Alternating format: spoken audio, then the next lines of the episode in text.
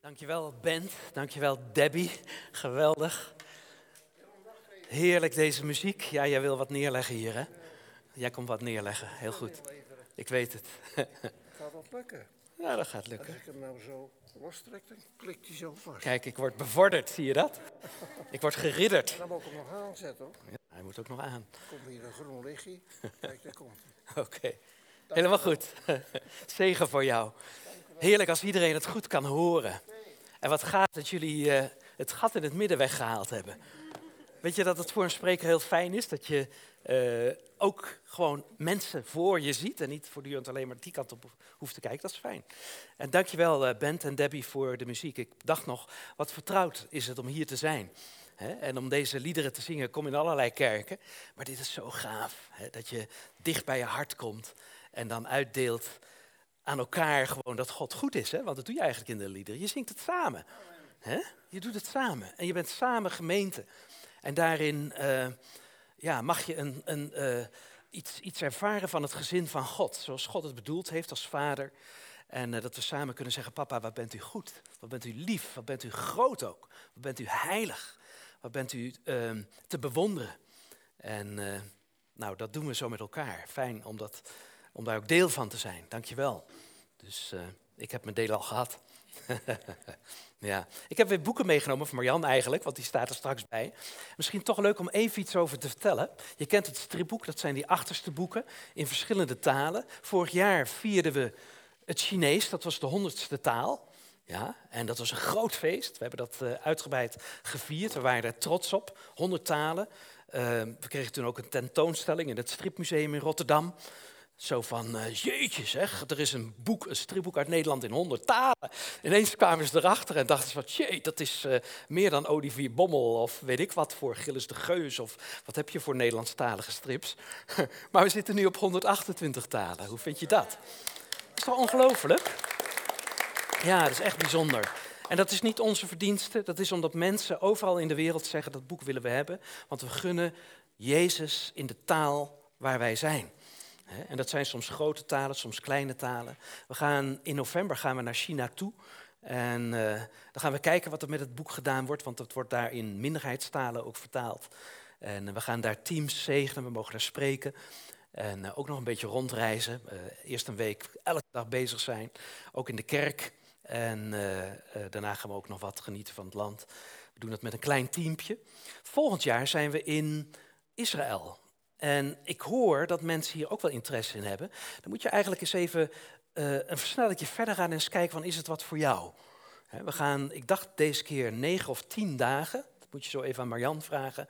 En uh, uh, dat is altijd bijzonder, omdat je dan op de plek komt waar Jezus heel dichtbij komt.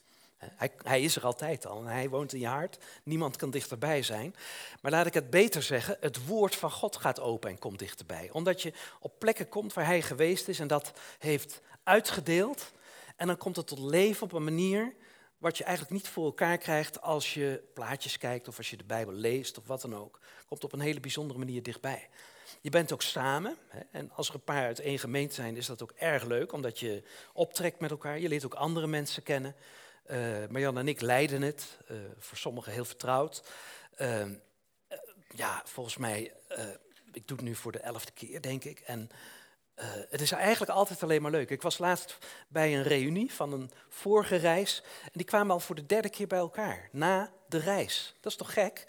Hè? Ja, één keer, dat snap ik. Maar drie keer, wat hebben die mensen dan? Want we komen uit het hele land. Maar dat vinden ze fijn en dan gaan er weer allemaal boekjes uitgedeeld worden met foto's. En uh, dan bidden we en dan zeggen we, wat was het gaaf, wat heb je meegenomen. En dat vuur blijft dan eigenlijk branden. Ook de liefde voor het land Israël. En dat is ook fijn, uh, want er is ook een heleboel over te zien en te zeggen. Ik heb er wel over gesproken. Dus uh, kijk daarnaar. Even nog naar de boeken. Het is straks kerst, het is oud en nieuw. We hebben uh, de tienerbijbel die net voor de zesde keer herdrukt is. Dat is ook bijzonder. Dat betekent dus dat heel veel tieners, een hele generatie, opgroeit met de tienerbijbel. Um, we hebben de dagboeken. Uh, misschien zeg je, ik wil eens een goed dagboek lezen en ik ken ze nog niet. Goede genade. Het fundament van genade. Gewoon elke dag een stukje. Uh, we hebben zeker weten. Dat is het nieuwe boek wat gaat over het fundament van het geloof en wat de tieners hier gebruiken. Ja? Eh, misschien wist je dat niet, maar als je de tieners bij wil houden, moet je zelf het boek natuurlijk ook lezen. Ben ik nu... Uh, de kringen doen het. Oh, ook nog. Jeetje, oh, dan hoef ik dat niet eens aan te kondigen. Nou, laten we maar gauw naar de Bijbel gaan. Je moet maar kijken naar die boeken. Oh ja, en, en ansichtkaart is ook altijd leuk.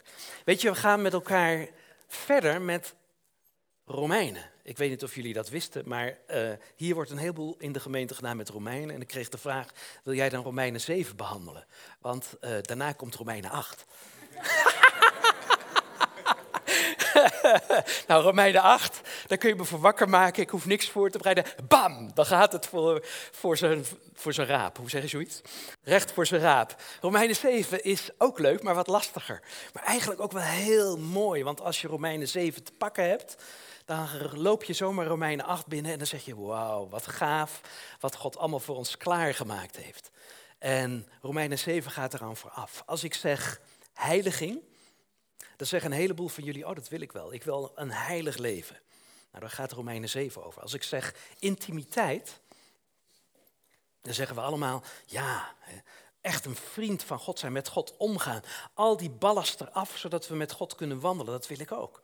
Nou, daar gaat Romeinen 7 over. Want eigenlijk neemt Romeinen 7 een aantal dingetjes weg uit ons leven, waar we altijd van dachten van dat moet ook nog, zodat we vrij worden, door de geest geleid, om die intimiteit en dat heilige leven te leven. Ja. En uh, terwijl ik daarmee bezig was, want ja, dan, dan krijg je zo'n opdracht, dan moet je even goed voorbereiden. terwijl ik daarmee bezig was, dacht ik, eigenlijk is dit wel een sleutelhoofdstuk ook weer. Al die hoofdstukken van Romeinen, maar dit eigenlijk ook wel weer. En laat maar even zien, hoe ik het zou willen noemen is dan leven door de geest, dus niet door de wet. En misschien zeg je, ik heb al een heleboel gehoord over die wet. Nou, we gaan er nog een schepje bovenop doen. Om te komen bij het leven door de geest. Oké? En het leven door de geest is dat geheiligde leven. Dat is het leven waarin de geest zegt, je bent heilig en ik ga je helpen om het ook te worden. Ik heb dat vaak gezegd, hè? je bent in Gods ogen wie je bent om te worden wie je bent. En dat is heel bijzonder, omdat als je dat tot je door laat dringen, dan zeg je, ik mag er zijn. En ik hoef niet voortdurend bezig te zijn met mijn tekorten, want God neemt mij al zoals ik ben. En natuurlijk schiet ik tekort, maar Hij ziet al wat ik kan worden. En het gekke is, wat niet afkomt in dit leven, dat zal straks toch nog weer afgemaakt worden. Dus ik kom er altijd. Maar het is natuurlijk heel leuk om nu al te zien dat wat God in mij ziet. En dat is eigenlijk waar we het over zullen hebben. Dus leven door de geest, dus niet door de wet. Oké, nou laten we gelijk bij vers 1 beginnen. Dat staat niet geprojecteerd, maar dan, uh, nee, ik begin niet bij vers 1, ik begin in het midden. Ik begin in het midden. En waarom? Als ik bij vers 1 begin, dan val je midden in een vraag en dan weet je niet precies waar Paulus naartoe wil. Ik begin in het midden, want in het midden staat een conclusie. En daaromheen bouwt Paulus eigenlijk zijn betoog op. Paulus, misschien goed om even te noemen, is een hele stevige vent. Ik weet niet hoe hij eruit zag. Ik weet ook niet of hij groot of klein was. Dat maakt niet zoveel uit. Sommigen dachten dat hij klein was. Nou, gefeliciteerd, Paulus. maar hij was stevig in zijn ehm, ja, intellectuele vermogen en in zijn achtergrond en in wat hij vooruit zag. Hij was stevig in het besef wie hij was en waar hij in stond. Hij had een hele sterke achtergrond. Hij was opgeleid als een echte Jood in de Joodse traditie, in de Joodse uh, leer, in de Joodse wet. En hij had echt de hoogste opleiding gehad. Daar was hij heel stevig in. Oké? En Paulus was ook heel stevig in zijn kennis en zijn openbaring van Jezus. Hij had gezien wie Jezus was. Hij was eigenlijk gewoon letterlijk een leeftijdgenoot van Jezus. Eigenlijk in dezelfde tijd geboren als Jezus. Ehm, we weten niet of hij Jezus persoonlijk gekend heeft, want hij had ook in het buitenland gezeten en al dat soort dingen. Maar hij had wel een openbaring van Jezus gehad. Echt uit de hemel gezien, dit is Jezus. Jezus had tot hem gesproken. En toen is hij gaan nadenken over alles wat hij van Jezus wist en gehoord had uit de eerste kerk. En toen is hij dat gaan leggen op alles wat hij wist van zijn opleiding, van het Jodendom, van de wet en de geschriften en de profeten en Mozes en Abraham en Adam en Eva. En dat zie je allemaal langskomen. En dan komt hij tot conclusies. En als hij het heeft in Romeinen 7 over ik, dan bedoelt hij zichzelf. Maar als hij het heeft over ik, bedoelt hij ook de Joden. Als hij het heeft over ik, en soms heeft hij het ook over wij en over jullie, dan bedoelt hij ook de christenen in Rome, want het is een boek aan de Romeinen. En in Rome, die hele grote stad, waren allemaal kleine gemeentes ontstaan, huisgemeentes. Sommige werden wat groter, zoals hier, en groeiden, zoals hier. Ja. Maar toch waren het allemaal verschillende gemeentes, want het moest een beetje geheim blijven. Het moest een beetje voorzichtig, net als in China. Hè? Daar wordt het ook weer wat lastiger allemaal. Dus wij zijn heel blij dat we er naartoe kunnen. En dat toch die boeken verspreid worden, die Jezus Messias stripboeken. Maar daar was het ook spannend. En Paulus die schrijft dan aan de Romeinen en eigenlijk legt hij daar dat gewicht wat hij zelf meedraagt, legt hij neer in die brief. En dan zegt hij, luister naar mij, ik schrijf voor mezelf, ik schrijf voor de Joden die in Rome zijn en die loskomen uit hun oude traditie en die christen geworden zijn. Ik schrijf ook voor de heidenen. Het is eigenlijk een heel compleet verhaal aan een heel compleet, complete groep van christenen naar wie die schrijft. En dan gaat hij dus een conclusie trekken en dat is heel interessant. Vers uh, eh, 5 is dat. En daar staat toen. Nou, als er een toen is, is er ook een nu. Oké? Dus hier gaat het over toen. Volgende vers gaat over nu. Snap je? Dat is interessant, want er is dus iets gebeurd, er is iets geweest, maar er gaat ook iets komen. Hè? Of er is iets nu aan de gang. Toen we ons lieten leiden door onze eigen wil, werd ons bestaan beheerst door onze zondige hartstochten, die de wet in ons opriep en droeg dat alleen vrucht voor de dood. We waren aan de wet geketend. Ja? Dus er is iets geweest en Paulus zegt, toen, ja, toen leefden we met de wet. En wat we ontdekten door die wet, die zegt, je mag dit niet, je mag dat niet, dat we in ons hart, in onze hartstochten van binnen, eigenlijk allerlei dingen doen die zondig zijn. En zonde betekent dat waar God niks aan heeft. Ja? Allemaal dingen die eigenlijk onszelf, te, anderen tekort doen. En waar God niks aan heeft. Dus ja, waar leidt dat toe? Paulus zegt tot de dood. Dat is heel drastisch. En dan zegt hij, oké, we deden die dingen, dat kwam uit ons hart voort, zonde komt uit je hart voort. En dat leidt dan tot niks, dat leidt tot de dood. En hoe komt dat? Omdat we aan de wet geketend waren. Eigenlijk in de wet die zegt, je mag dat niet doen, je mag dat niet doen, gij zult dit, gij zult dat. En als je dat niet doet, dan zit je daarin vast. En het gekke is, hij zegt, dan zijn die hartstochten die in je opkomen, die zijn zondig en die worden door de wet eigenlijk versterkt, opgeroepen. Want als je iets wel doet waarvan je weet dat je het niet mag doen, hè, of als je iets niet doet terwijl je het wel zou moeten doen, dan kom je in conflict met jezelf. Ja? En het gekke is, dan wordt er iets opgewekt waarvan je zegt, het is niks waard, maar ik doe het wel. Nou, dat is eigenlijk zeg maar zoals het was. Niet zoals het is zoals het was. Ja? Dat is belangrijk om dat te weten, want er zijn veel christenen die zeggen, ja, zo leef ik nog steeds. En misschien denk je zelf van jezelf op dit moment wel, eigenlijk is dat ook mijn leven. Maar zo was het. Toen was het zo. En het is een conclusie, hè? want straks gaat hij in voorbeelden gaat hij dat uitleggen, hoe dat dan werkt. Gaan wij ook meemaken, ook bekijken. Dat was toen. Maar nu, haha, maar nu, dat is leuk, hè? dat is de volgende tekst. Ik vind dat zo leuk, hè? dat er gewoon een, een, een, ja, een uh, moment is in die brief van Paulus dat hij gewoon even zegt toen en nu. Nou, daar kun je al een hoop mee doen, toch? Dus wij willen weten, hoe is het nu dan? Hè? Maar nu zijn we bevrijd. We zaten met ketenen vast aan de wet die zegt, dit deugt niet, dat deugt niet, je mag dat niet doen, je mag dat niet doen. Je zat eigenlijk vast in aanklachten, in oordeel, want het roept de wet allemaal op. Dat je het gevoel hebt van, oh, ik mag niet harder dan 120 en ik rij 130.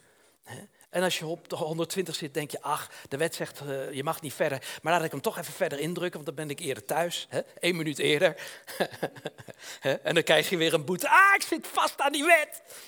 Ja? ja? Terwijl als er geen wet is, rij je gewoon 180, toch?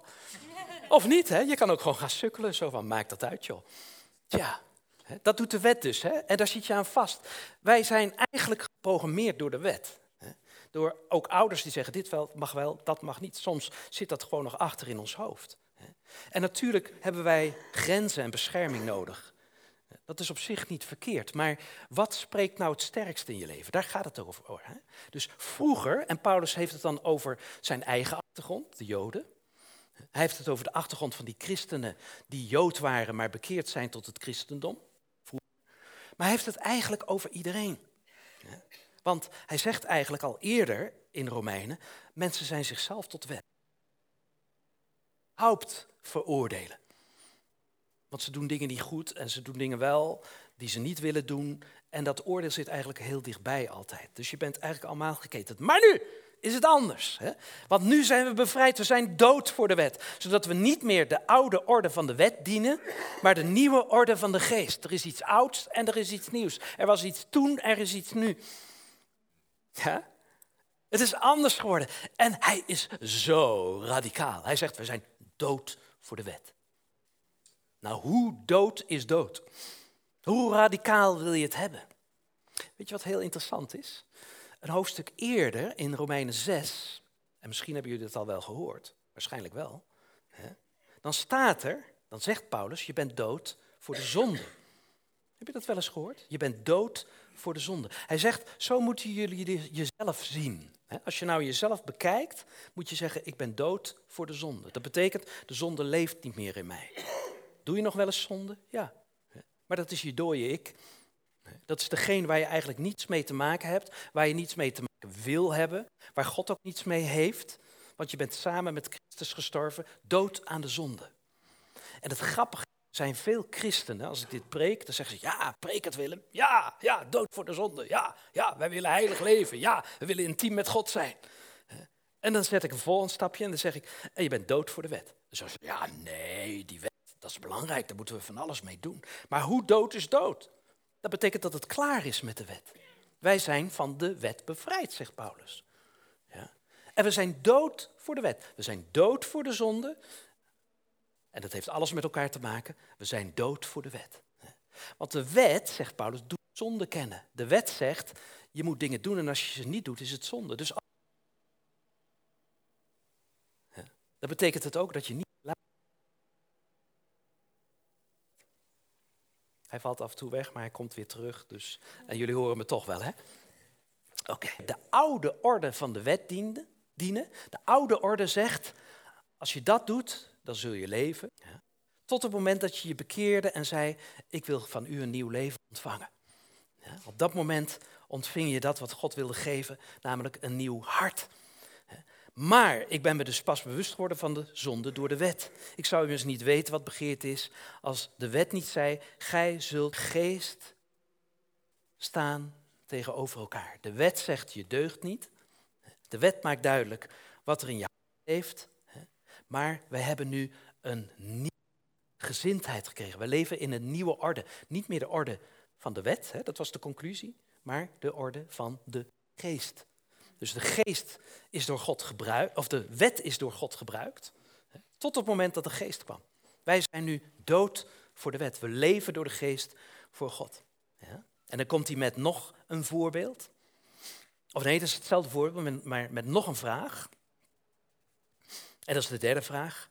Is dan het goede mijn dood geworden? Is het dan het goede dat mij heeft gedood? Dus de wet heeft hij mij dan gedood? Natuurlijk niet.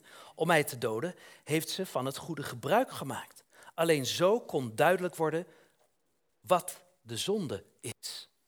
Dus Paulus zegt hier, zullen we deze nemen? Oké. Paulus zegt hier, uh, als de wet dan goed is, uh, is er dan eigenlijk geen hoop meer? Nee, zegt hij. Er is hoop, er is leven. Om mij te doden heeft God gebruik gemaakt van de wet om mij daarna op te wekken met Jezus. Dat is wat er gebeurd is. Wij leven met Jezus.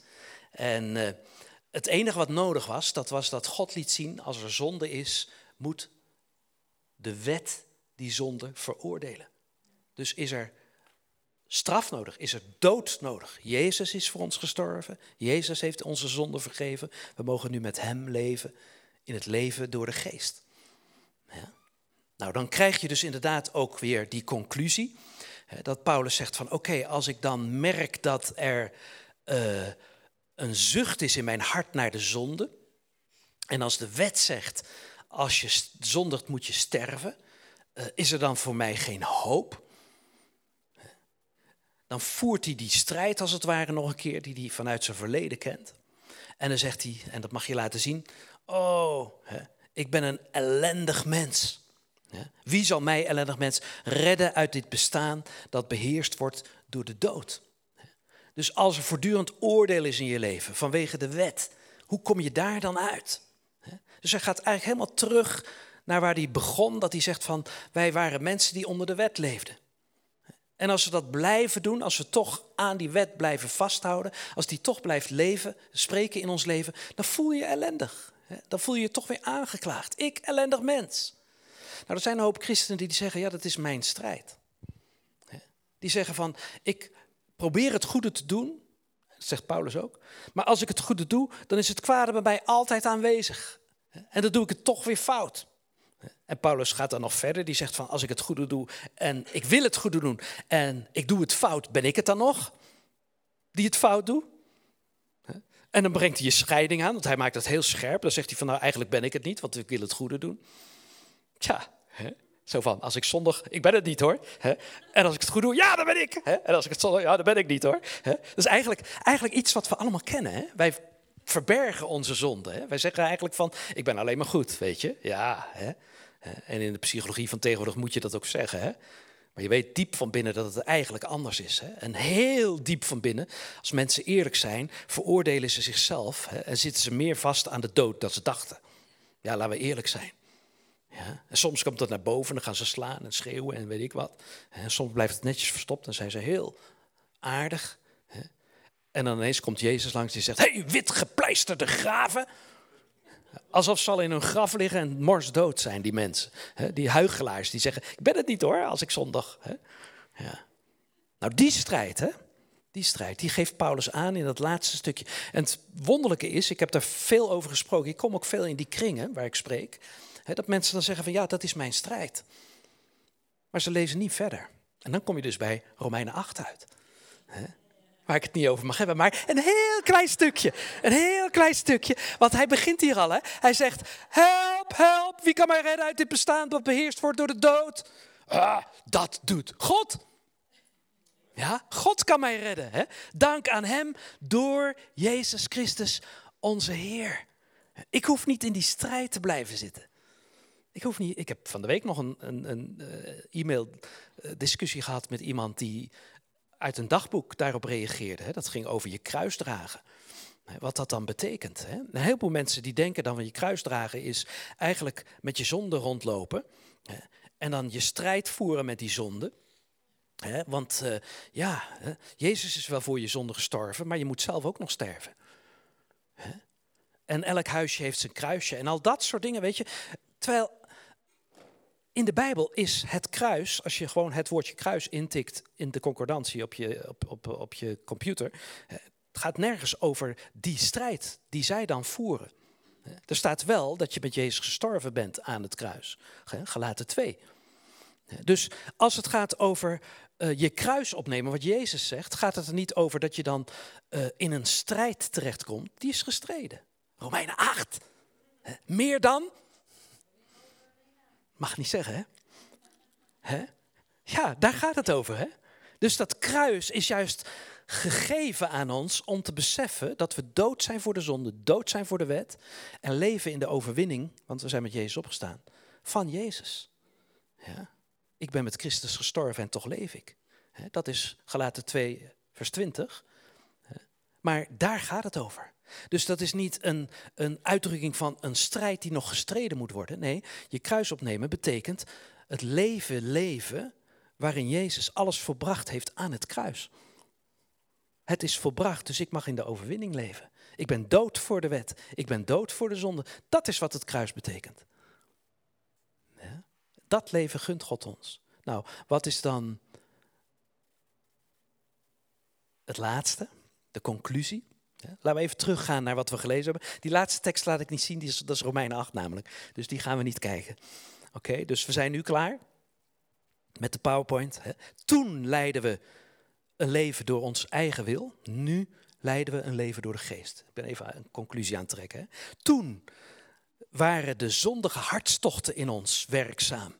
Ons hart was niet veranderd, waardoor de wet voortdurend uh, ons veroordeelde en ons aanklaagde en veroordeelde. Wat leidt tot de dood. Ik mag er niet zijn. Nu zijn we bevrijd van de wet. We zijn dood voor de wet. Toen was alles wat we deden eigenlijk vruchteloos. God kon er niet blij mee zijn. Nu leven we met de vrucht van de geest. We mogen leven. We mogen uitdelen van wat God ons geeft. We geloven dat God ons zo gemaakt heeft dat we betekenis hebben voor Hem en voor anderen. Nou, iedereen die in Jezus gelooft, die mag zeggen, ik ben dood voor de zonde en ik ben dood voor de wet. Ja. Mijn gedrag is niet meer bepalend voor hoe God mij ziet en zelfs mijn hart niet. Dat is bijzonder, hè? Kijk, in je gedrag doe je nog wel eens foute dingen.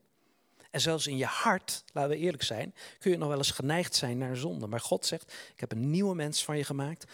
Als die gevoed wordt, als je jezelf zo gaat zien zoals ik je zie, dan leef je voor mij en draag je vrucht. Hou jezelf dood voor de zonde, dood voor de wet. De geest doet wat de wet niet kan. En dan ben ik terug bij het begin. Iedereen wil wel een heilig leven. De geest heeft jou geheiligd. Ja. Iedereen wil wel intimiteit met God. Dankzij de geest, niet dankzij de wet. Dat maakt je niet intiem met God. De, de Joden zeiden, of de Israëlieten zeiden, blijf op afstand God. Spreek alsjeblieft niet met ons, spreek maar met Mozes. Dat is dramatisch. Terwijl God zei, ik wilde dat jullie mijn kinderen waren. Ik wou dat jullie mij vader zouden noemen, maar jullie hebben het niet gewild. Vanwege die wet die ertussen kwam. Maar God is onze vader geworden en die wil intiem met ons zijn. Geloof je dat je dood bent voor de zonde? Romeinen 6. Geloof je dat je dood bent voor de wet? Dat God je niet meer oordeelt, beoordeelt, aanklaagt weegt, ben je wel goed genoeg? Geloof je dat je zelfs in je zonde bij God binnen kan lopen? Weet je dat dat de weg is uit de bevrijding uit zonde? Dat je in je zonde, als je zondigt, zegt: Heer, ik ben een kind van u. Dat neemt de kracht van de zonde weg. Dat is het geheim. Omdat Gods geest in je leeft en die geeft je dan de kans om niet jezelf te veroordelen, maar om daar te zijn waar God je wil hebben Namelijk in het besef hoe geliefd je bent door Hem. En die liefde maakt je vrij van angst voor oordeel. Angst dat je het niet goed doet. En alles wat je daar niet goed doet, komt op afstand te staan. Die zucht naar de zonde gaat eruit. Want je bent geliefd. Je hoeft geen compensatie te zoeken. Je hoeft niet te denken van ik moet iets geks doen om ook leuk gevonden te worden. Je bent al leuk. Je bent al geliefd. Wij zijn meer dan overwinnaars. Door Hem die ons heeft lief gehad. Ja, dan kom ik toch even bij Romeinen 8 uit. en dat mag je ontvangen. Hè? Ik ook weer. Hè? Ik zeg dat ook tegen mezelf. Ik ben zo geliefd. Ik heb dat ook nodig. Ik heb dat nodig om dat regelmatig te horen. En niet alleen omdat mijn vader of mijn moeder het te weinig gezegd hebben. We hebben dat allemaal nodig. Het is geen psychologisch spelletje. Het is het leven. Wij zijn zo geschapen dat we die hemelse vader nodig hebben en dat we van daaruit weten wie we zijn. Zullen we danken? Dank u wel, Heer, dat we de gelegenheid krijgen om ook uit Romeinen 7 te horen hoe goed u bent. Wat boffen we daarmee als gemeente, Heer, dat u ons dat aanreikt en dat u daarin ook stevigheid aanbrengt in ons leven, want het is het woord wat dit zegt. Het is het doorleefde woord wat Paulus gebracht heeft, waar hij zoveel kennis over had, maar wat door hem zo scherp gezet is, Heer, dat ja, u helemaal tevoorschijn komt zoals u wilt zijn. Als de overwinnaar over de zonde, over de wet, over de dood. Om ons dat leven te geven wat u ons gunt. En dank u dat u ons daarin zegent. U bent goed. En opnieuw zeggen we, Heer, dank u dat onze zonden vergeven zijn. En opnieuw zeggen we, dank u dat uw geest aan ons gegeven is, niet afhankelijk van onze zonden, maar afhankelijk van wat Jezus aan het kruis heeft volbracht. En zo komt u met de volheid van uw geest in ons midden. Daar hoeven geen trucjes voor uitgehaald te worden. Heer, dat hebt u aan ons gegeven. En dank u dat ons hart, we hebben gezongen over ons hart, dat we aan u geven. Heer, dat dat hart een gereinigd hart is, een geheiligd hart, een geliefd hart. Dat in onze diepste hartstochten u de geliefde bent. En u degene bent die ons bevestigt als een geliefd kind van u. We houden van u, Heer. We willen graag uw bruid zijn. We willen graag uw meisje zijn. Dank u, Heer, dat u ons daarin zegent. En dank u dat we door uw geest geleid het leven mogen leven dat u ons gunt. U bent goed. Amen.